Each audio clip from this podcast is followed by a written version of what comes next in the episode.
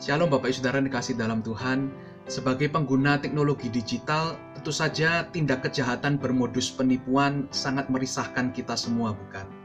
Kalau dulu para penipu itu menggunakan SMS, tetapi sekarang mereka mulai menggunakan aplikasi WhatsApp, Bapak Ibu Saudara.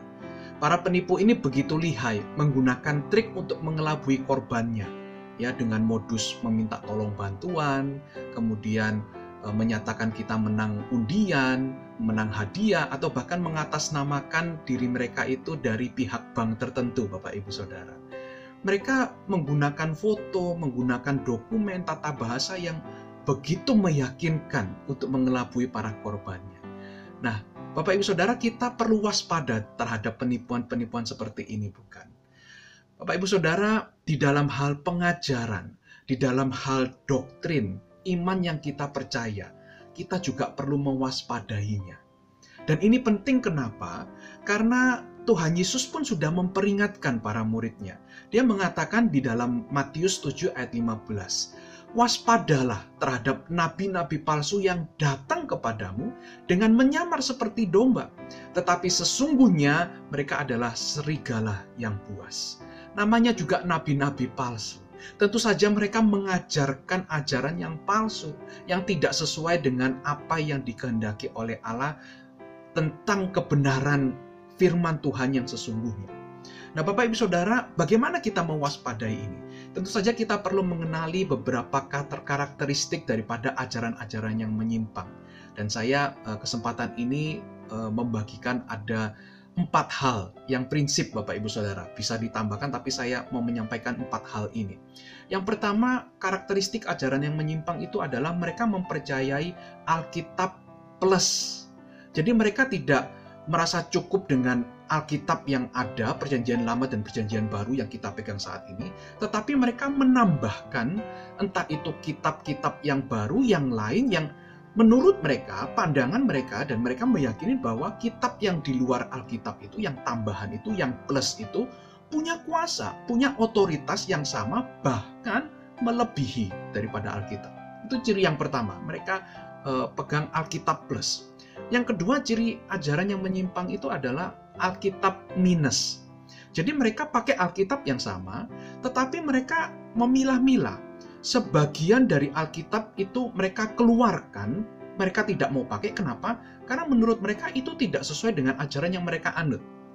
Jadi ada dua sekarang ya, Alkitab plus sama Alkitab minus. Lalu yang ketiga, ajaran yang menyimpang itu biasanya mereka mempunyai pemahaman tentang uh, doktrin Trinitas yang tidak seimbang.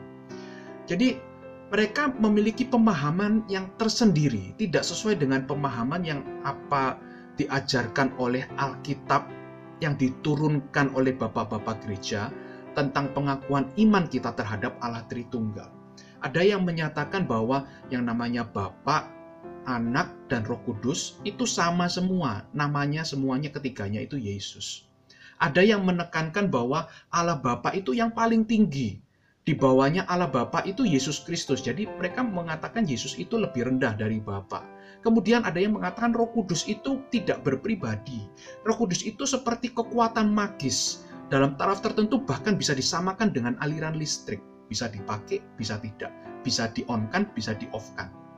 Jadi ajaran tentang masing-masing pribadi Allah Tritunggal itu tidak seimbang ini yang harus kita waspadai. Lalu yang keempat Bapak Ibu Saudara, ajaran yang menyimpang itu punya penekanan yang terlalu berlebihan terhadap hal-hal yang supranatural. Matius 24 ayat 24 mengatakan seperti ini Bapak Ibu Saudara. Sebab Mesias-Mesias palsu dan nabi-nabi palsu akan muncul dan mereka akan mengadakan tanda-tanda yang dahsyat dan mujizat-mujizat. Sehingga sekiranya mungkin mereka menyesatkan orang-orang pilihan juga. Kemudian Kolose 2 ayat 18.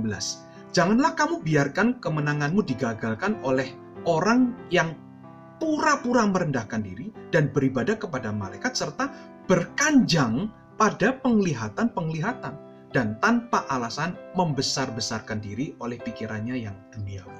Jadi dari ayat-ayat ini Bapak Ibu Saudara kita bisa melihat mereka yang mengajarkan ajaran yang menyimpang itu bukan berarti mereka tidak bisa menyajikan mujizat loh.